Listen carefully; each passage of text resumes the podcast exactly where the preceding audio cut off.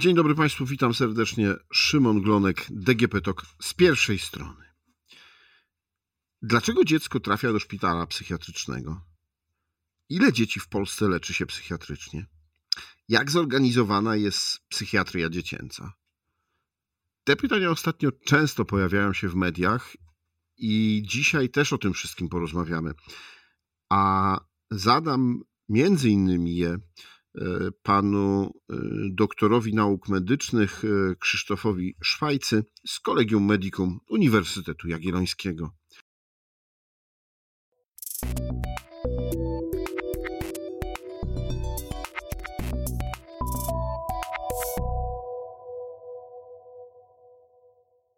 Dzień dobry, panie doktorze. Dzień dobry, witam serdecznie. Panie doktorze, to może zacznijmy właśnie od, od tego początku, od tego pierwszego pytania. Dlaczego tak często słyszymy, że dzieci trafiają do szpitali psychiatrycznych? Dlaczego tak dużo w ostatnim czasie dzieci trafia do szpitali psychiatrycznych? E, wydawałoby się, że proste pytanie, ale oczywiście e, wbrew pozorom bardzo, bardzo skomplikowane. I można odpowiedzieć na paru, na paru poziomach. E, pierwszy byłby taki, że trafiają dzieci do szpitali psychiatrycznych również dlatego, że jest mało możliwości innego, lepszego leczenia. W Polsce mamy do czynienia z pozostałościami, no, w zasadzie można powiedzieć XIX-wiecznej psychiatrii, to znaczy takiej, w której przez całe lata większość środków szła do oddziałów psychiatrycznych. Około 70% środków na psychiatrię dziecięcą, młodzieżową no, pochłaniały oddziały psychiatryczne ale to w praktyce oznaczało gigantyczne niedobory, braki i trudności z dostępem do specjalistów, którzy nie byliby w tych, tychże oddziałach. Prawda? Więc mamy do czynienia z, takim, z taką strukturą, która jest jakby odwrócona. To znaczy, że jest dosyć trudno uzyskać wsparcie blisko swojego miejsca zamieszkania. E, jest dosyć trudno znaleźć specjalistę, psychoterapeutę, psychologa, który e, no, szczególnie za darmo w, e, ramach NFZ-u pracowałby z dzieckiem i młodzieżą. E, no i można powiedzieć, że gdyby nie to, to znacznej części przyjęć do szpitali psychiatrycznych można by uniknąć. Więc to jest oczywiście jeden, jeden ważny, ważny fragment. Jak mówię o tej XIX-wiecznej strukturze, to na pewno duże znaczenie ma to, że od 2000 2020 roku rozpoczęła się reforma psychiatrii, która ma zmienić te archaiczne jej funkcjonowanie. A mianowicie e, powstają miejsca, które są e, bardzo blisko miejsca zamieszkania młodego człowieka. Powstało ponad 350 tak zwanych ośrodków pierwszego poziomu. Co ciekawe, te ośrodki mają taką nazwę, której nikt właściwie nie umie zapamiętać. One się konkretnie nazywają ośrodki środowiskowej opieki psychologiczno-psychoterapeutycznej dla dzieci i młodzieży. Więc nazwa jest trochę nieszczęśliwa, ale e, sama idea i sam pomysł terapii e, takiej, która jest jeszcze przedmedyczna, są ośrodki, w której nie pracują psychiatrzy, ale pracują psychoterapeuci, psychologowie, terapeuci środowiskowi, jest niezwykle ważną zmianą, taką, która odpowiada tym temu, jak pracuje się z dziećmi i młodzieżą e, na świecie, na Zachodzie, jest niewątpliwie kierunkiem, e, czy, czy e, jakby rozpoczyna taką zmianę w bardzo dobrym kierunku. Czym innym jest oczywiście taka realność codzienna pracy tych ośrodków, ponieważ ona jest znacznie taka trudniejsza i no, troszeczkę, prawda, można powiedzieć, jak zwykle wtedy, kiedy chodzi o konkrety, to już robi się trochę gorzej ale no, sama ta zmiana jest bardzo dobrą e, zmianą.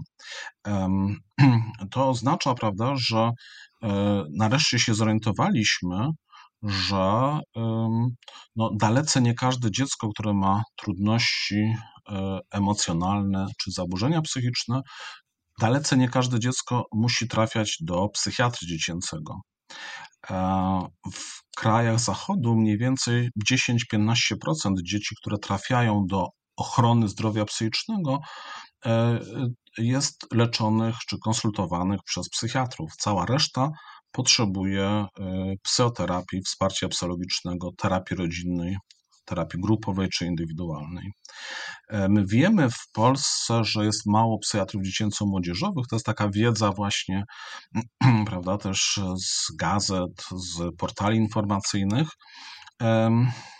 No, można powiedzieć, że rzeczywiście jest trochę za mało psychiatrów dziecięco-młodzieżowych, ale no, te, te braki, to można powiedzieć tak, że powinno by być więcej według zaleceń WHO-skich, no dwa razy albo tam o 60%.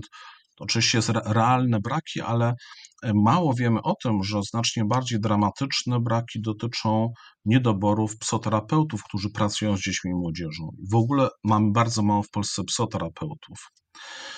Wprawdzie ta liczba jest trudna do obliczenia, ponieważ nie mamy w Polsce regulacji tego zawodu, nie mamy ustawy o zawodzie psoterapeuty, więc w zasadzie każdy może powiedzieć, że jest psoterapeutą. No ale wydaje się, to są takie oszacowania, które no, sam też próbowałem zrobić, że e, mniej więcej mamy w przeliczeniu na liczbę ludności, mówię tutaj w ogóle o psoterapii, nie tylko o psoterapii dziecięco-młodzieżowej, mamy gdzieś 8-10 razy mniej psoterapeutów niż kraje Europy Zachodniej czy Stany Zjednoczone. Prawda? I jak jest mało psoterapeutów, to bardzo mało psoterapeutów zatrudnionych w systemie NFZ-owskim, no to można powiedzieć, że po pierwsze ci psychoterapeuci chętniej pracują z pacjentami dorosłymi, a po drugie pracują w gabinetach. Czyli to, co mamy, to niska dostępność wyspecjalizowanych kadr i to nie tylko psychiatrów dziecięco-młodzieżowych oraz no coś, co można nazwać stomatologizacją e, psychiatrii dziecięco-młodzieżowej. To jest ta dramatyczna sytuacja, prawda, gdzie no, jest pewnym odruchowym działaniem, prawda? Tak jak idziemy do stomatologa, raczej do prywatnego gabinetu, tak bardzo często mm, dla naszego dziecka, nastolatka poszukujemy pomocy w prywatnym gabinecie, prawda? I no, można by powiedzieć, że to oznacza, że ci, którzy najbardziej potrzebują tej pomocy, no często jej nie dostają, prawda? Albo dostają niskiej jakości pomoc.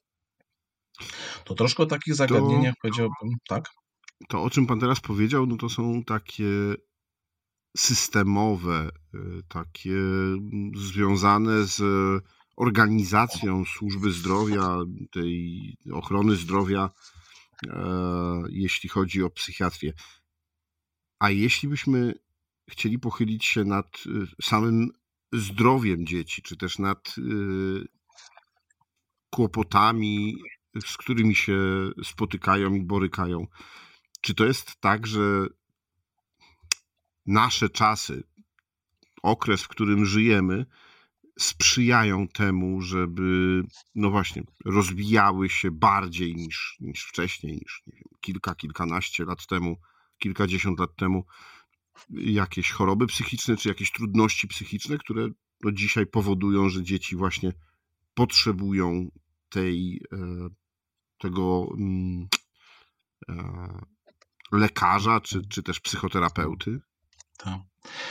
E, wydaje się, że tak, czy wszystko na to wskazuje, ale oczywiście znowu e, w praktyce nie wiemy, dlaczego tak się dzieje, prawda? bo mówimy teraz o no, takich bardzo potężnych zmianach kulturowych, które dotyczą nie tylko Polski, dalece nie tylko Polski, ponieważ to jest e, zjawisko, które obserwujemy w zasadzie w całym świecie, przynajmniej tam, gdzie są prowadzone badania, więc precyzyjnie wiemy, e, jak te trendy zmieniają się w Stanach Zjednoczonych czy w krajach Zachodu.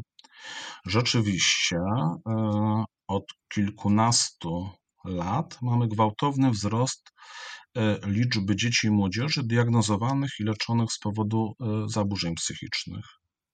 Największy skok e, dokonał się około 2012 roku w Stanach i potem w kolejnych krajach w podobnym okresie, gdzie dochodziło do bardzo realnych przyrostów młodzieży, która cierpiała na zaburzenia psychiczne, której, która częściej podejmowała próby samobójcze, które w ostatnich latach coraz częściej się samouszkadza.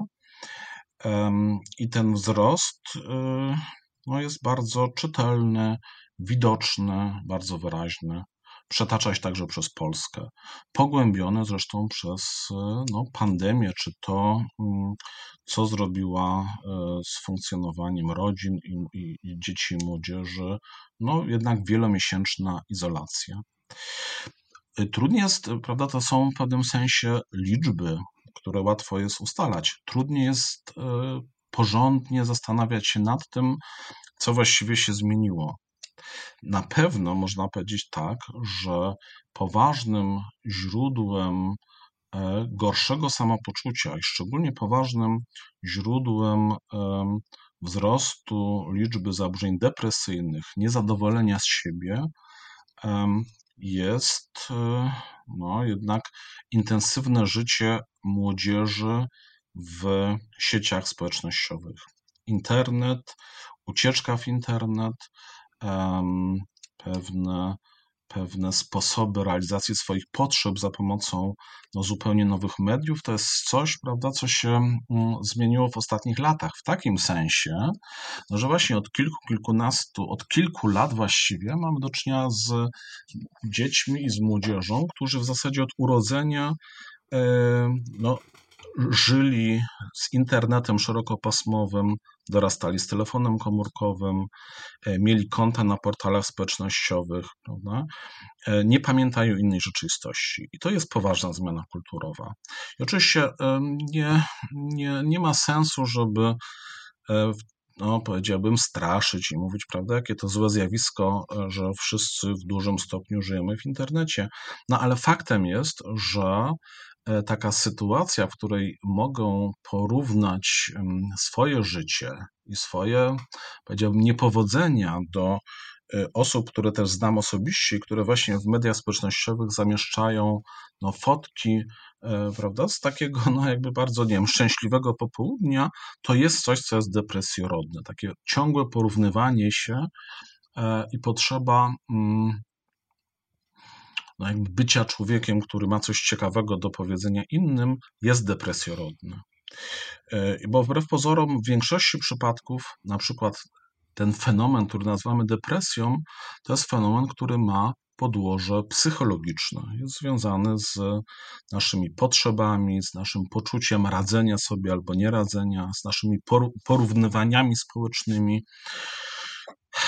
To, co jest e, no, kolejną zmianą, to jest oczywiście zmiana sposobu funkcjonowania w grupie rówieśniczej, prawda? To rzeczywiście jest tak, że mamy więcej internetu, a znacznie mniej e, no, takich realnych związków e, no, i kontaktów twarzą w twarz. Rzeczywiście e, można tak powiedzieć, że nie mamy podwórek, no, od wielu lat dochodzi do takiego zjawiska, gdzie klasa średnia raczej nie chce, żeby ich dzieci włóczyły się pod blokiem? E, i wozi swoje dzieci na różne ważne zajęcia, które mają przydać im się w przyszłości albo które mają ich rozwijać. Ale produktem ubocznym jest to, no, że coraz mniej mamy wprawy w byciu z naszymi rówieśnikami żyjemy w mniejszych rodzinach, prawda? Od wielu lat już w Polsce wskaźniki dzietności są na poziomie 1,3, 1,4, czyli że jedna kobieta w wieku rozrodczym ma średnio e, no, 1,3 dziecka. Prawda? To oznacza, że większość dzieci, które teraz e, wychowują się w swoich rodzinach, są jednakami. No a przecież można tak powiedzieć, że rodzeństwo nam się przydaje, prawda? To od rodzeństwa uczymy się, jak sobie radzić z napięciem, jak negocjować, prawda? Co, co, co jest e, dobre do przyjęcia, co jest nie, niedobre. To jest oczywiście tylko fragment pewnych bardzo ważnych e, zmian, które w ogóle dotyczą funkcjonowania rodziny. Część z tych zmian jest bardzo dobra, na przykład no, zmniejszenie przemocy wewnątrzrodzinnej, prawda? E, mamy coraz bardziej demokratyczny model rodziny, mamy rodzinę, w której e, pewne rzeczy się ustala, negocjuje, prawda? Mamy wreszcie rodziny, w których coraz bardziej w opiekę nad dziećmi, w takie realne życie rodzinne, emocjonalne również, angażują się ojcowie. E, mamy wreszcie rodziny, w których no już troszkę zmniejszają się nierówności związane, nie wiem, z, z nierównym podziałem obowiązków między, między kobietami i mężczyznami, chociaż one dalej oczywiście istnieją. Mamy rodziny, które są, e, które się zmieniają, ale to, co jest polską specyfiką, no to można powiedzieć, że te, że te zmiany, które w Polsce wydarzają się tu i teraz, albo wydarzały się parę lat temu, no one w krajach e, Zachodu wydarzały się już w latach 60., 70. W pewnym sensie, prawda, jeżeli chodzi o funkcjonowanie rodziny, to, to jesteśmy zapóźnieni w stosunku do Zachodu. Ma to swoje też dobre strony, bo na przykład dalej mamy troszkę mniej rozwodów niż w krajach Europy Zachodniej, e, no ale ma też różne złe strony. Można by tak powiedzieć, że w tym momencie rodzice naszych pacjentów uczą się e, no, jakby nowego wzorca, prawda? Wszystkiego uczą się od nowa. Jest takie napięcie, prawda? Jest takie prześmiewcze pojęcie, które jest pojęciem no, kompletnie nierealistycznym, ale w Polsce jakoś się to bardzo przyjęło. Mówimy o tak zwanym wychowaniu bezstresowym, prawda? To nic nie znaczy, nie ma takiego w ogóle pojęcia, ale te, te taki pogardliwy opis, prawda, że możemy wychować dzieci bez stresu, czy że, że niektórzy tak, tak, tak by chcieli, prawda, mówi o tym, że no jeszcze trochę nie wiemy, jak wpływać na nasze dzieci w sytuacji, kiedy już raczej wiemy, że nie powinniśmy stosować wobec nich przemocy. Swoją Panie drogą. Doktorze, kiedy, mhm. kiedy tego tak, tak. słucham i kiedy tak sobie e, no, pomyślę o tym, że z jednej strony mówi Pan, OK, wszyscy kierowani są do szpitali, no bo brakuje tej mm, pierwszej pomocy, tak? Nawet jeśli są placówki, to brakuje tak. E, wykwalifikowanych e, psychoterapeutów, albo dzieciaki do nich nie, trafiają, nawet jeśli gdzieś są.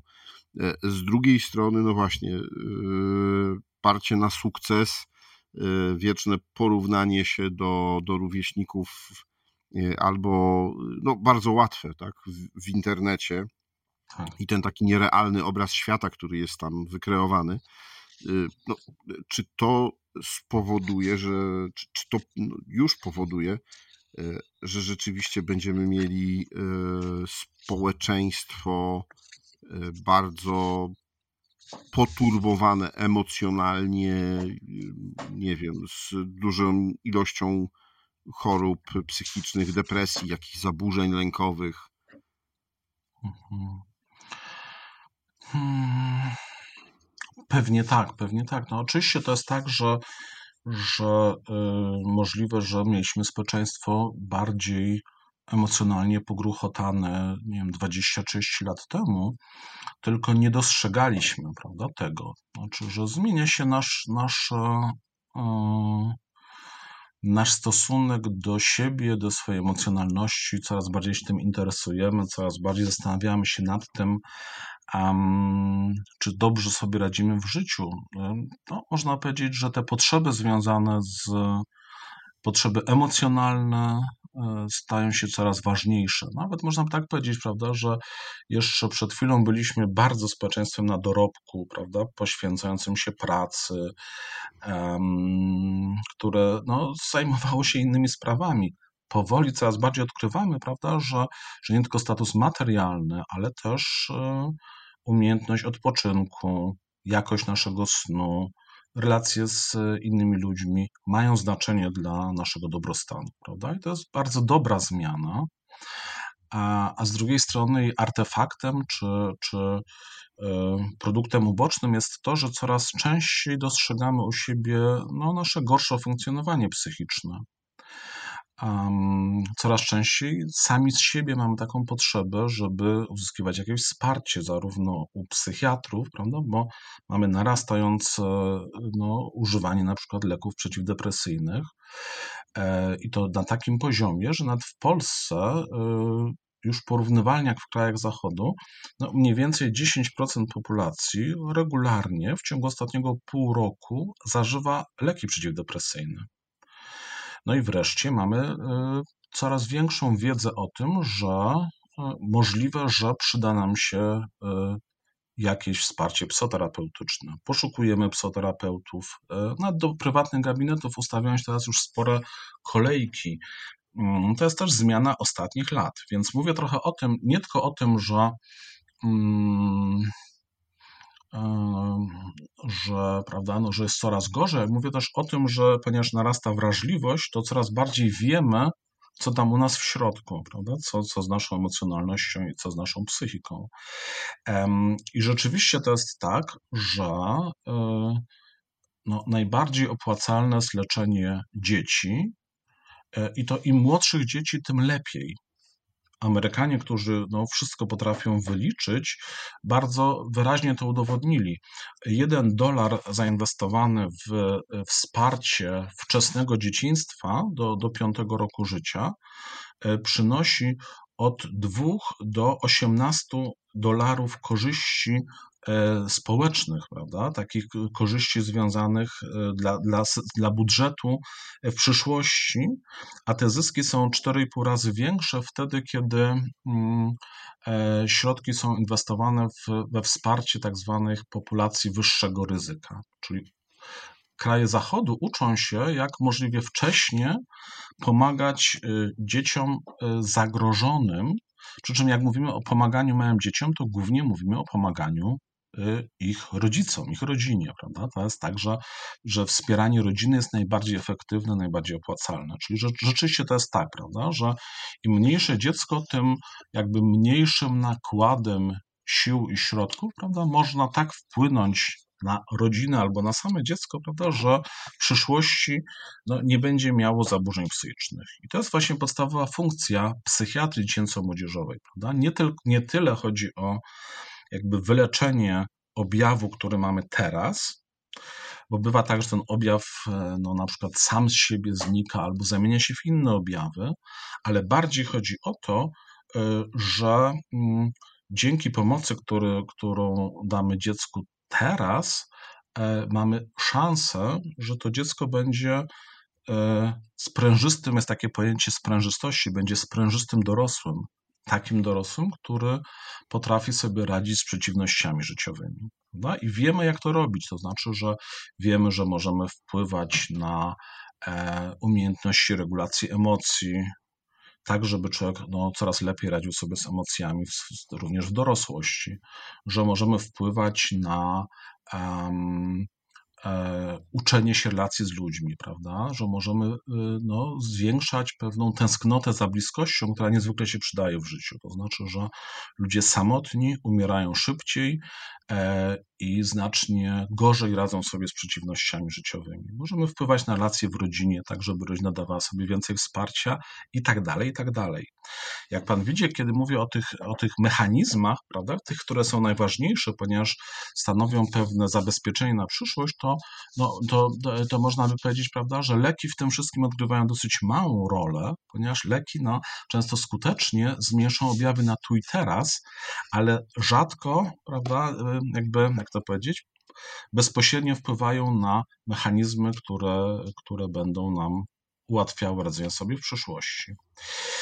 Jednym słowem można tak powiedzieć, mamy w Polsce różnego rodzaju niedobory i braki w leczeniu e, no, psychiatrycznym dzieci i młodzieży. Choć jak mówię, jak mówię o leczeniu psychiatrycznym, to mówię o leczeniu w dużym stopniu za pomocą psychoterapii wsparcia psychologicznego czy terapii środowiskowej. Więc mamy w Polsce pewne niedobory, które, no nie mam co do tego wątpliwości, e, nie są opłacalne i będą skutkowały gorszym funkcjonowaniem 40-latków, 30-50-latków. Rzeczywiście jest tak, że e, e, mniej więcej 50% zaburzeń psychicznych, które są w dorosłości, ma swój początek jeszcze przed 12 rokiem życia. No, więc one się zaczynają dosyć wcześnie. Jak są młode, młode, świeże zaburzenia psychiczne, trudności funkcjonowania, łatwiej nam się leczy, no a im są starsze, tym leczy się nam trudniej, dłużej, e, za pomocą większych środków. Także no, um, można powiedzieć, że, że dojrzałe systemy um, prawda, to wiedzą, i można by tak powiedzieć, że w zasadzie, nawet sobie zrobiłem takie wyliczenie, e, że środki, które przez lata były przeznaczane w Polsce na psychiatrię dzieci i młodzieży, są w stosunku tylko procentowym mniej więcej dziesięciokrotnie niższe niż środki, które przeznaczają e, e, no, e, niż średnia dla krajów Unii Europejskiej. Po prostu znacznie więcej się inwestuje we wsparcie młodych ludzi niż w Polsce. Taki artykuł, który mówimy opisywał... już o tym, Mówimy mhm. już o tym wsparciu y, tego pierwszego stopnia tak? Czyli tych, y, tych Mówimy o całości, o, o, całości y, jakby tego systemu ochrony zdrowia psychicznego, mhm. prawda? Rzeczywiście o tym, że to on teraz w Polsce się, się reformuje, prawda? Więc taki y, trójstopniowy, to jest sensowna reforma.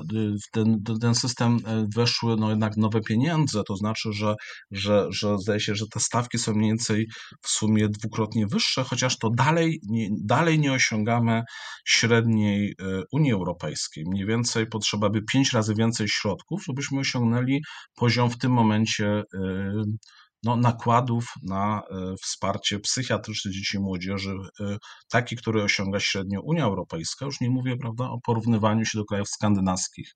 No, mhm. rzeczywiście mamy po prostu bardzo mało pieniędzy w systemie, więc on się poprawia, ale dostępność jest dalej niewielka. Mhm. Panie doktorze, to na jakim, w jakim momencie albo czego teraz potrzebuje tak systemowo e, polska psychiatria. Powiedział Pan o, o, tych e, funduszach i finansach, no ale mam wrażenie, że to zawsze jest tak, że, że będą pewne braki, jeśli chodzi o finanse, i to chyba w każdym państwie, w każdym kraju, niezależnie czy w Unii Europejskiej, czy w Stanach Zjednoczonych, czy, czy w innych bogatych krajach, no, są pewne niedobory na służbę zdrowia. Ale jakie są takie najbardziej pilne potrzeby psychiatrii dziecięcej? Znowu trudne, trudne pytanie. No, prawda, bo te, tych potrzeb jest sporo. To, co na pewno. Mm, widzimy coraz bardziej w sytuacji, kiedy e, no, powstają nowe instytucje, kiedy e, dokonuje się no, sensowna, sensowna zmiana, jest to, że nowe instytucje mało ze sobą współpracują. To znaczy, że to, czego potrzebuje psychiatria dziecięco-młodzieżowa, to współpraca między instytucjami, też tak zwana współpraca międzysektorowa. Znaczy, praca y, z systemem edukacji, praca ze szkołą, e, praca z mm, systemem pomocy społecznej. I to y, ja robiłem od lat i ośrodki, z którymi jestem związany, i krakowska klinika, ale w większości miejsc Polski e, nie ma jeszcze takiej wprawy, nie ma umiejętności i nie jest doceniona, doceniana praca y, i no, wspólne mm, uzgadnianie, ustalanie modelu leczenia, modelu terapii z innymi specjalistami. Więc w dużym stopniu my potrzebujemy też pewnej zmiany myślenia o tym, no, czym jest zdrowie psychiczne dzieci i młodzieży, jak możemy oddziaływać. Przez całe lata byliśmy w świecie, w którym na przykład terapia rodzinna była rugowana z systemu NFZ-owskiego. To znaczy, że system rozliczeń tak był konstruowany, że nie opłacało się prowadzić terapii rodzinnej.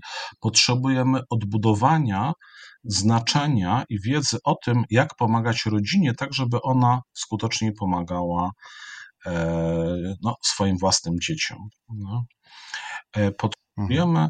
no, też takiego troszkę odmedycznienia tego modelu, to znaczy, że w wielu miejscach w Polsce rzeczywiście tak, że no tak jakby, prawda, mamy za duże y, nadzieje i y, mówię tutaj w ogóle o pacjentach, ale też no, mówię o systemach, że one są takie, powiedziałbym, psychiatrocentryczne, prawda, że polscy psychiatrzy y, nauczyli się samotnej pracy w poradniach zdrowia psychicznego i takiego prostego po kolei przyjmowania pacjentów, którym daje się leki, a to nie na tym polega istota e, pracy psychiatry. Wszędzie na zachodzie psychiatra dziecięco-młodzieżowy jest fragmentem dużych zespołów i bardzo żywo E, współpracuje z innymi specjalistami, a dosyć rzadko spotyka się z, tylko z tymi pacjentami, którzy naprawdę tego, tego potrzebują.